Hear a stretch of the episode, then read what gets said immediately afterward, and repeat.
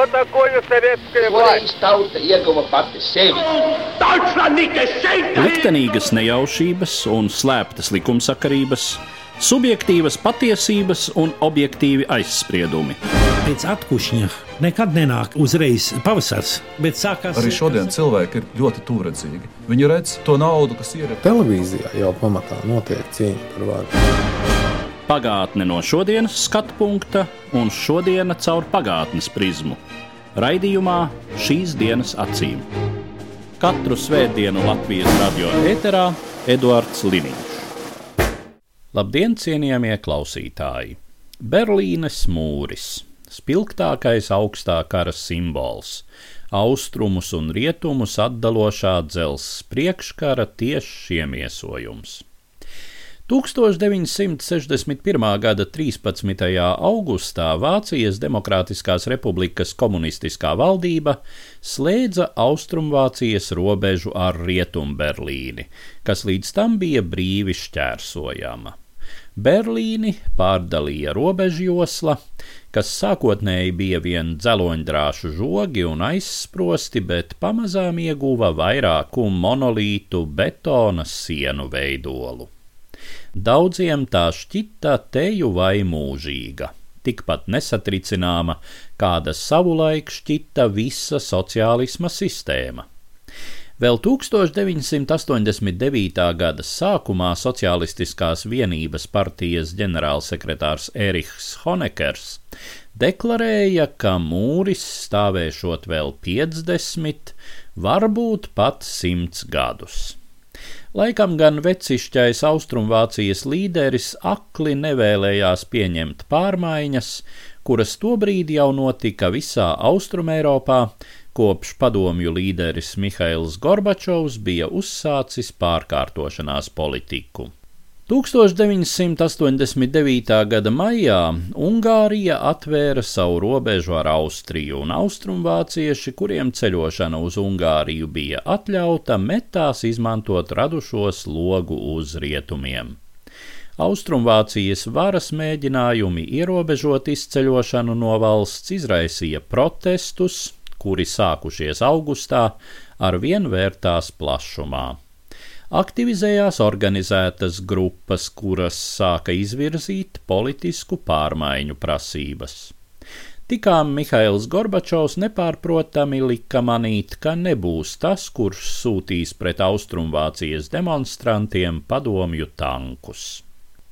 1989. gada 9. novembrī tika sasaukta preses konference, kurā Socialistiskās vienības partijas politbiroja pārstāvim Ginteram Šabovskim bija uzdots paziņot, ka pieņemts lēmums vairāku mēnešu laikā ieviest jaunu, daudz brīvāku robežas šķērsošanas kārtību.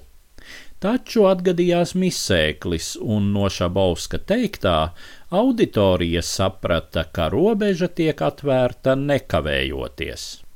Jau pēc pāris stundām pie mūra pulcējās ļaužu pūļi, prasot laist viņus pāri, un Austrumvācijas robežsargi nebija gatavi viņus aizkavēt. 1989. gada 9. novembra vakarā Berlīnes mūris krita. Pirms pieciem gadiem man bija iespēja būt Vācijas galvaspilsētā un sarunāties ar vairākiem tā laika notikumu dalībniekiem, kā viņi atceras liktenīgo 9. novembra vakaru. Stāsta vēsturnieks Huberts Knābe, bijušā štāzī cietuma muzeja Hohenschenhausenā vadītājs. My parents escaped from East Berlin to West Germany um, before the wall was uh, built up, and uh, I was growing up in the West. But I moved to West Berlin one year before the wall came down, and I still experience the time when Berlin was divided, and I uh. Mani vecāki izbēga no Austrumvācijas uz rietumiem, pirms vēl Berlīnas mūris tika uzcelts, un es uzaugu rietumos. Taču gadu pirms mūra krišanas es pārcēlos uz Rietumu Berlīni. Tādējādi es vēl pieredzēju laiku, kad Berlīna bija sadalīta. Un domājams, pats iet lielākas nērtības nekā citi rietumberlīnieši. Jo man, pateicoties manai pretkomunistu režīmu vērstajai darbībai, nebija atļauts iebraukt Austrumvācijā. Tā no es izrādījos savā ziņā ieslodzīts Rietumberlīnē. Es, piemēram, nevarēju brīvdienās vai nedēļas nogalē izbraukt uz mežu, jo mežs bija aiz mūra. 9. novembrī es, protams, sekoju visām ziņām televīzijā. Mēs parasti skatījāmies vispirms kādu rietumu kanālu, tad austrumu kanālu, tad atkal rietumu kanālu. Es redzēju to savādo sižetu par zināmo preses konferenci, un patiesībā sakot, nesapratu, ko tas viss nozīmē.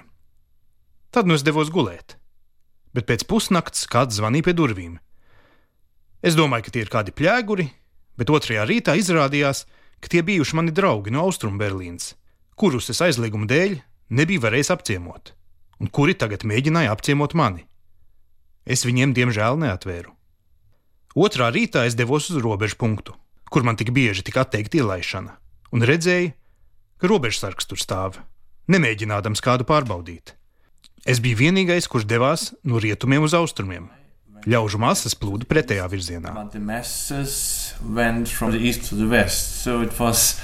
Some uh, strange feeling um, but uh, I was also in a way very happy that I could move freely in this moment and I could have a look on this part of Berlin, which I couldn't visit for such a long time. Tā bija tāda savāda izjūta. Bet es biju ļoti priecīgs, ka man tagad ir ļauts brīvi pārvietoties un apskatīt šo Berlīnas daļu, kuru man tik ilgi bija liekts apmeklēt. Man tā bija aizliegtā zeme, aizliegtā pilsēta. Tāpēc es biju entuziasma pārpilns. Man sieva bija apmeklējusi Austrumberlīnē lielu demonstrāciju piecas dienas pirms mūra krišanas, un jau tika man stāstījusi, ka viss ļoti mainoties. Cilvēki kļuvuši gluži citādi. Viņi smaida, viņi ir priecīgi. Pat komunistu puses restorāna oficianti. Tie, kas ir pieredzējuši padomju sistēmu, zina, kā uzvedās padomju restorāna oficianti. Viņi, un nevis klienti, tur bija kungi. Un pat šie bija kļuvuši draudzīgi un smaidīgi. Visa atmosfēra bija pilnīgi izmainījusies. Arī es to izjūtu, kad tur ierados. Tā bija ļoti īpaša pieredze ikvienam, kurš toreiz dzīvoja Berlīnē. Un šodien es reizēm domāju, es esmu laimīgs, ka toreiz biju klāt tajos notikumos. Un cik garlaicīgi dzīvot šodien, kad šāda pieredze nav iespējama. I can be very happy that I attended these uh, events and uh, how boring it must be to live nowadays without these uh, experiences. It was a very special situation for everybody who lived in Berlin this time. Un lūk, vēl viena aculiecinieka atmiņas. Stāsta Berlīnes Brīvās Universitātes pētnieks, vēsturnieks Johans Štāts. At that time, um, my, my, my girlfriend, her father, he was an architect in West Germany in Düsseldorf on the Rhine River. But he originally came from East Berlin. And um, in the war, he was in, in the Wehrmacht in France and he was in an American prison camp. And after he came out, he didn't go back to Berlin. He stood in, in uh, Düsseldorf and studied uh, architecture, and he was architect there. And he never went back to his old um, surrounding where he grew up in East, East Berlin. And Manas toreizējās draudzenes tēvs bija arhitekts. Viņš dzīvoja Rietumvācijā, Dīseldorfā pie Reinas, taču dzimis viņš bija Austrumberlīnē. Kara laikā iesaukts Wehrmachtā, dienējis Francijā un nonācis gūstekņu nometnē amerikāņu zonā. Pēc atbrīvošanas viņš neatgriezās Berlīnē, bet palika Dīseldorfā un studēja arhitektūru. Un viņš nekad kopš kara laika nebija apmeklējis savas bērnības vietas. 8. novembrī viņš ieradās Berlīnē, lai beidzot apciemotu ielu, kur bija dzimis un uzaudzis. 9. novembra vakarā mēs trijotā sēdējām restorānā Kreitsbergas rajonā, kur es tobrīd dzīvoju, tas ir netālu no mūra, un pēkšņi kāds ienāca un paziņoja: Mūris ir vaļā! Mēs bijām skatījušies televīzijā ziņas par to, kā Austrumvācijas valdība diskutē par jauniem ceļošanas noteikumiem. Tā ka mēs zinājām, ka pārmaiņas būs, taču nezinājām, kādas. Tad nu mēs visi trīs Es uz velosipēda, viņa abi kājām devāmies uz slaveno checkpoint Čārlija Heinricha Heinas ielā un redzējām, kā visi tie cilvēki nāk cauri robežu punktam. Tas bija lieliski. Lieliski, jo mēs neko tādu nebijām gaidījuši, ka tas notiks šādi. Kad tikām vēl tuvāk sienai, parādījās pirmie trābanti un braucēji nolaiduši stiklus. Viss kā viens jautāja, kur ir kurfirsta dambis. Tā toreiz bija Berlīnas galvenā tirzniecības iela, kur atradās lielākie universāli veikali. Viņi visi gribēja turp. Un mēs teicām mans draugs tēvam, redzi, ko mēs tev norganizējām.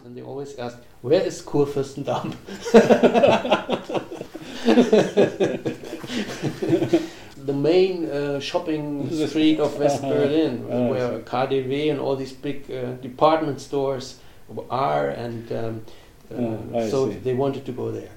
And we said to our uh, to the father of my girlfriend at that time, we said, uh, "Well, see, we just arranged that for you." Tā izskatījās Berlīnes mūra krišana no rietumu puses. Bet lūk, kā to atceras toreizējā austrumvācu disidente, vides aktīviste, bet vēlāk Vācijas politiķe, Bundestāga deputāte Vera Lengsfelde. Uh, personally, I um, returned to East Germany in the morning of the 9th of November because I was thrown out. I was one of the most um, hated activists by the Stasi. I was arrested in 88 and eventually thrown out of the country, but with an East German passport because I refused to give up my East German citizenship. So, by coincidence, I appeared at the um, border point in Friedrichstraße in the morning of the 9th of November, and I uh, said that I want to come back to East Germany. It was not easy. Personīgi es atgriezos Austrumvācijā 9. novembra rītā, jo pirms tam mani bija izmetuši no valsts kā vienu no štā zīves vairāk nīstajiem aktīvistiem. 1988. gadā mani arestēja un pēc tam izraidīja, tomēr man joprojām bija Austrumvācijas pase, jo es nepiekrītu atteikties no savas Austrumvācijas pilsonības. Tā nu sanāca, ka tieši 9. novembra rītā es ierados Friedriha ielas robežpunktā un paziņoju, ka gribu atgriezties Austrumvācijā. Viegli tas nebija. Viņa mēģināja man atteikt, bet es paziņoju, es esmu VDR pilsone, jums nav tiesību mani nelaist. Galu galā viņa man ielaida, mani atbalstīja pensionāri. Pensionāriem austrumvācu vara ļāva brīvi apmeklēt rietumu Berlīni. Bija ierasts, ka viņi vienkārši iet cauri robežpunktam ar pasi paceltā rokā bet tagad viņi netika cauri. Es biju nobremzējis kustību. Es viņiem paskaidroju, kāpēc mani nelaiž, un tad viens no viņiem iesaucās: Ielaidiet viņu, ielaidiet viņu! Un drīz jau viņi visi, kādi 30 pensionāri, sauc citu caur citu: Ielaidiet, ielaidiet! Tā nu mani arī ielaida. Vakarā mums ar draugiem bija kopīgas vakariņas. Mēs redzējām televīzijā slaveno preses konferenci, un pēc tam apmeklējām ievērojamo vācu rakstnieci Kristu Volfu, kura tolaik bija mana kaimiņiene Berlīnes Pankovas rajonā. Mēs devāmies pie viņas ar jautājumu, vai viņa nebūtu gatava kļūt par Austrumvācijas prezidenti. Zinu, tas izklausās absurdi, bet tādi bija laiki.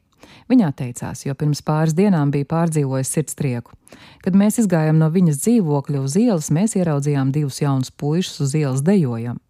Tiklīdz mūs ieraudzījuši, viņi metās mums klāt un paziņoja: Pirms desmit minūtēm Bornholmas ielas robežpunktā ļaudis pārrāva mūri.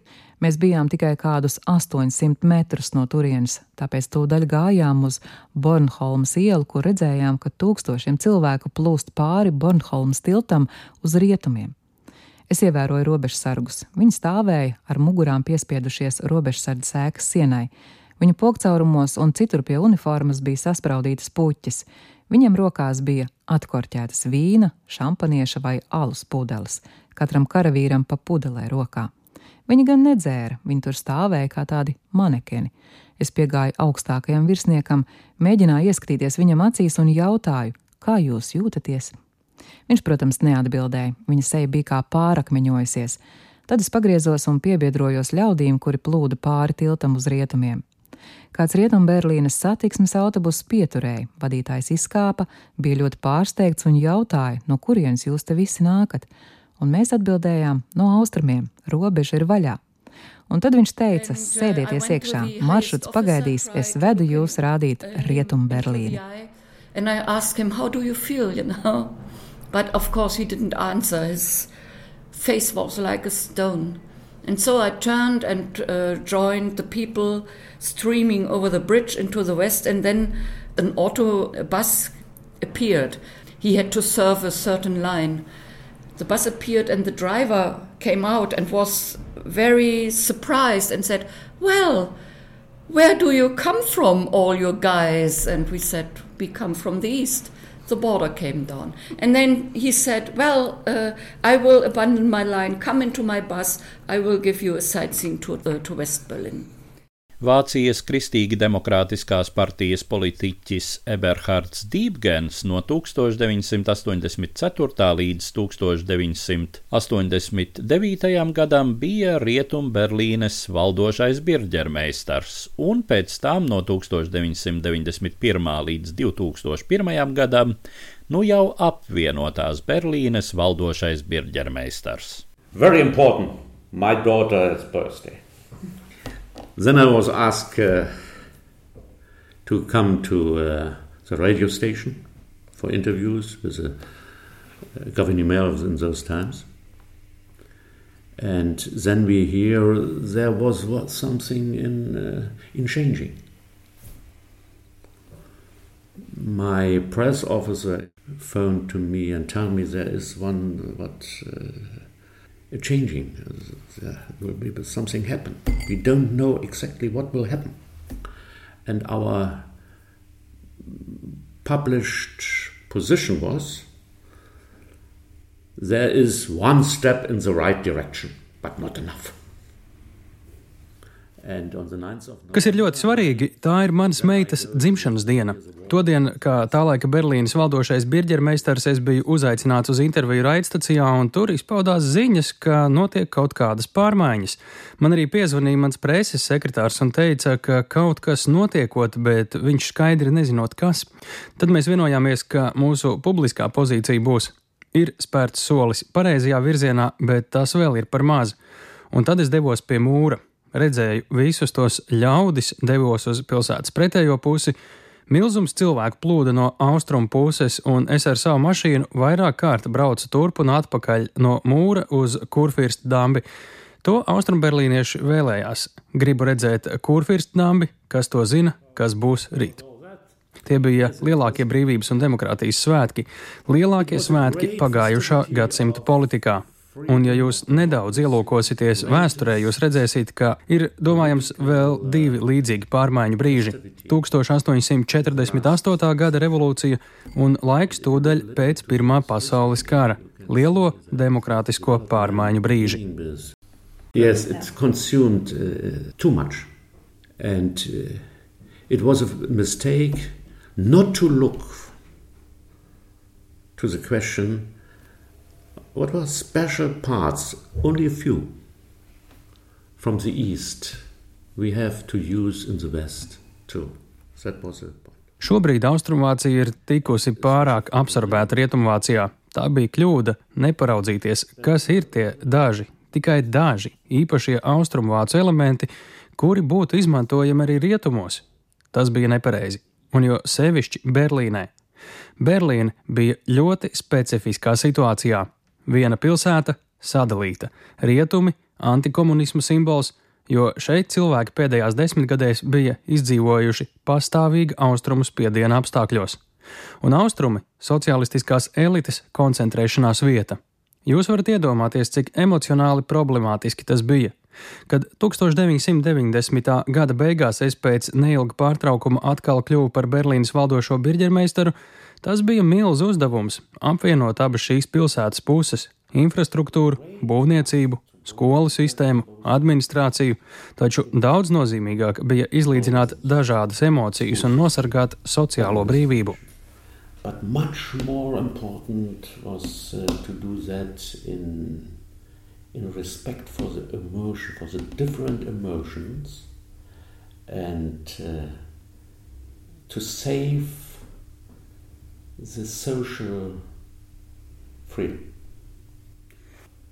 It was a feeling what is the responsibility of the state? Such an old question between socialists and other political groups. But uh, for the emotions, it was very difficult because the economic system in the East was a very uh, malade. Galvenā atšķirība starp politiskajām vidēm bija izpratnē par to, kas ir valsts atbildība. Tā ir mūžīgā dilema starp sociālistiem un citām politiskajām ievirzēm, taču emocionāli tas bija ļoti sarežģīti, jo ekonomiskā sistēma Austrumvācijā bija ļoti bēdīgā stāvoklī. Zemākas algas, zemāki ienākumi. Cilvēki, kas dzīvoja vienā ielā par vienu un to pašu darbu, saņēma dažādu algu tikai tāpēc, ka viens dzīvoja vienā, otrs otrā bijušā mūra pusē. Cilvēkiem tas nebija pieņemami, un mums Berlīnē to vajadzēja mainīt daudz straujāk nekā citos reģionos. Un mēs to darījām. Mēs to uzsākām šai ziņā atšķiroties no visām pārējām Austrumvācijas zemēm.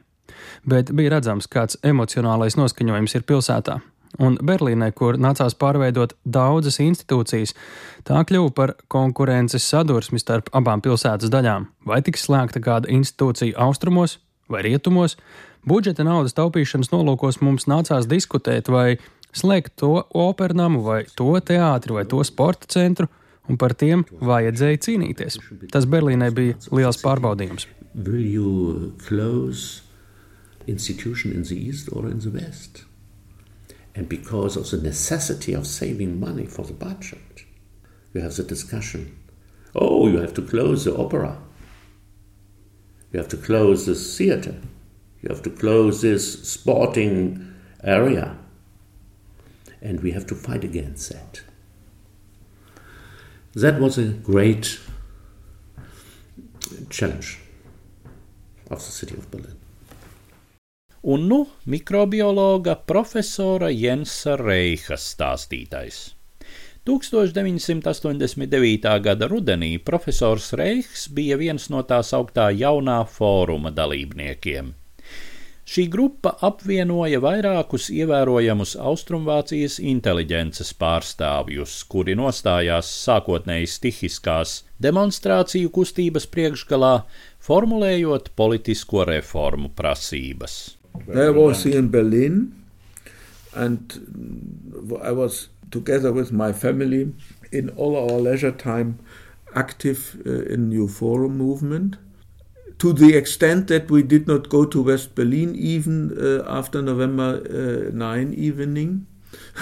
but rather to a conference. We went to West Berlin, we visited West Berlin only, only. Es biju Berlīnē un uzturējos te kopā ar ģimeni, un visu savu brīvo laiku mēs veltījām darbam jaunā fóruma kustībā. Bijām tik aizņemti, ka pat pēc 9. novembra vakara tūdaļ neapmeklējām Rietumberlīni. Tā vietā organizējām VDR vispār nacionālo jaunā fóruma konferenci, kam bija jānotiek tai nedēļas nogalē. Tikai šķiet nākamajā nedēļā mēs apmeklējām rietumu pusi. Man nebija nekādas steigas, biju studējis Rietumberlīnē 50. gados un zināju, kā tur izskatās. Es nesteidzos, šķita svarīgāk gādāt, lai viss to brīdi iesāktais ritētu gludi. Protams, jaunais fórums un citas pilsoniskās kustības drīz pēc 9. novembra zaudēja savu ietekmi. Mēs bijām pirmie, kas lauzāmies šais durvīs, un, nu, kad tās bija vaļā, tie citi aizdrāzās mums pāri. Tomēr bija svarīgi, ka septembra un oktobra demonstrācijās mēs bijām tie, kuri pacēla balsi. Sākotnēji tās bija ļoti slāpētas, klusas demonstrācijas, kurās cilvēki vienkārši prasīja izlaist viņus no Austrumvācijas, iedot vīzu izbraukšanai uz Budapeštu, Prāgu vai Varšavu, lai tur dotos uz Rietumvācijas vēstniecību un tiktu uz Rietumvāciju un bija vajadzīgas balsis, kuras formulēja svarīgākās lietas, kas bija maināmas, piemēram, konstitūcijā balsis, kuras nelokām prasīja nevardarbīgu politisku rīcību. Tas bija mūsējais un līdzīgu kustību veikums nācijas labā. Vēlāk Nu, jā. So, and, and, and it was necessary to have a voice which uh, formulated what was the most important things that had to be changed in the constitution, for instance, and a voice that called adamantly for uh, non-violent uh, political action, and so this is the uh, service that these movements, including us, did to the nation. And afterwards, well, I went then uh, still when the first uh, free elections in East Germany were in March. I was um, convinced Kad nākamā gada martā notika pirmās brīvās vēlēšanas, mani pārliecināja balotēties vietai tautas palātā. Kad es teicu, ka tas nav man domāts, ka neesmu šādas ievirzes politiska figūra, viņa teica, tas taču ir neiespējami, pēc kā tas izskatīsies. Jūs esat tik pazīstams, un ja jūs nekandidējat, vai tad jūs esat pret? Jūs esat pret brīvajām vēlēšanām? Tā nu es kandidēju, ieguvu vietu parlamentā no Alianses 90, kas bija visu Austrumvācijas pārmaiņu kustības grupu apvienība. Lai izveidotu savu frakciju, mums nācās apvienoties ar 89. gadā rudenī izveidojušos Austrumvācijas zaļo partiju. Zaļā pārliecība, protams, mums arī nebija sveša. Mums bija sakritības ievirzē un arī politiskajos centienos. Tā nu mēs izveidojām diezgan jauku 20 cilvēku parlamentu frakciju ar kādu 30 līdz 40 cilvēku profesionālu palīgu komandu. Taču mēs izrādījāmies visai dīvainā opozīcijā. Mēs bijām pret gandrīz visiem nozīmīgākajiem procesiem, kuri tobrīd notika, un bieži balsojām kopā ar nežēlastībā kritušajiem bijušajiem, respektīvi jauntapušajiem komunistiem, kuri starp citu vēlēšanās bija saņēmuši vairāk balsu nekā mēs un opozīcijā tāpēc, ka man bija grūti pieņemt, kā mums viss tika noteikts no rietumu puses. Visuzskatāmākais piemērs ir pats apvienošanās līgums. Bonnā darbojās starp parlamentārās grupas, kopīgi izstrādājot šo dokumentu. Viens vai divi no mūsējiem arī līdzdarbojās laiku pa laikam sniedzot ziņojumus. Jau augustā, pirms vēl jebkas bija detalizēti izstrādāts, tika noteikts apvienošanās datums 3. oktobris.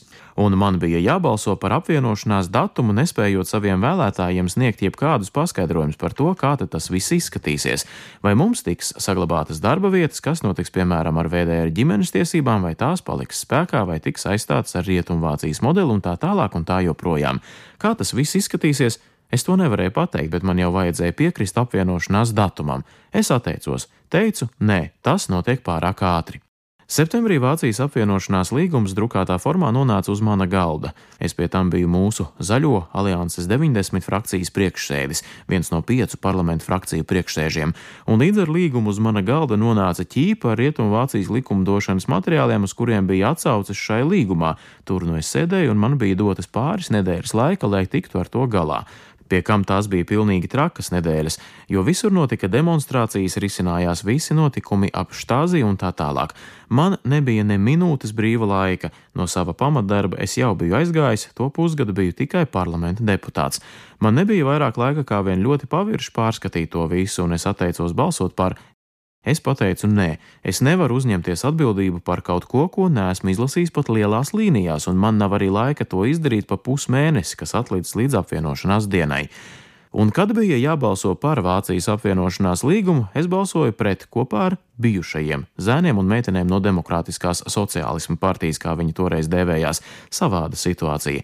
Es taču vienmēr biju apvienošanās piekritējis. Visu savu mūžu biju ar nožēlu domājis par 1961. gada 13. augustu robežas slēgšanu, negatīvāko notikumu savā dzīvē, un tagad es teicu nē. Bet, protams, mūs pārbalsoja, tas bija nenovēršami, nekas cits nebija domājams. 75% balsu bija par visu politisko apvienošanos, vienotu valūtu un apvienošanās līgumu kopumā.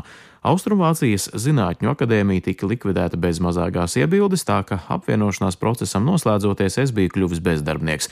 Tas viss bija ļoti apšaubāmi. Kad 3. oktobrī dārdēja salūts un ļaudis līksmoja un apskāvās un priecājās par gaišo nākotni, ar vienu savas sirds pusi bijām kopā ar viņiem, kamēr otru kremta tas, kā tas viss tika darīts un kas no tā visa galu galā iznāks. Rezumējot, es varu teikt, iznākums ir visnotaļ pieņemams. Viss jau ir kārtībā, man jāteic, mums bija ilūzijas. Mēs tiecāmies pēc iespējami fundamentālas demokrātijas, pēc iespējami plašas pilsoņu iesaistas aktuālajā darbībā. Tās bija ilūzijas, kuras mēs lolojām, sapņojot par savu centrālu austrumu Eiropas jauno kontinentu. Tagad mēs te esam kopā, visi esam kopā un mums jāpaliek kopā, un tas ir ļoti, ļoti svarīgi. Mums jāpaliek kopā. That dissolved the Academy of Sciences without any uh, further ado. So, so I was jobless uh, when, when coming out of the unification. So it was very dubious. On 3rd October, the, the fireworks were working and people were happy and uh, embracing each other. And now we go forward and all these things. This was one side of our heart, and then we had the other side how it was done and hopefully how will it come out. And to summarize, I must say it has come out tolerably well. uh, and uh, it's okay. It's now okay, and uh, we had illusions, I, I might say. People with with a leaning for more basic democracy and for a, with a leaning of a more well participation of, of the citizens in, in the dealings of the state. These were the illusions that we had when we when we dreamed about uh, of Middle Eastern Europe as a new continent. Now we are here together. All of us are together, and we should stay together. And it is very, very important to do this, to stay together. Sakot, mums jāpaliek kopā, profesors Reichs ar to domā ne tikai Vāciju un vāciešus, bet nu jau visu apvienoto Eiropu, kuras izveidošanās kļuva iespējama pēc dzelzs priekškara krišanas. Katru svētdienu Latvijas radio viens par pagātni sarunājas Eduards Liniņš.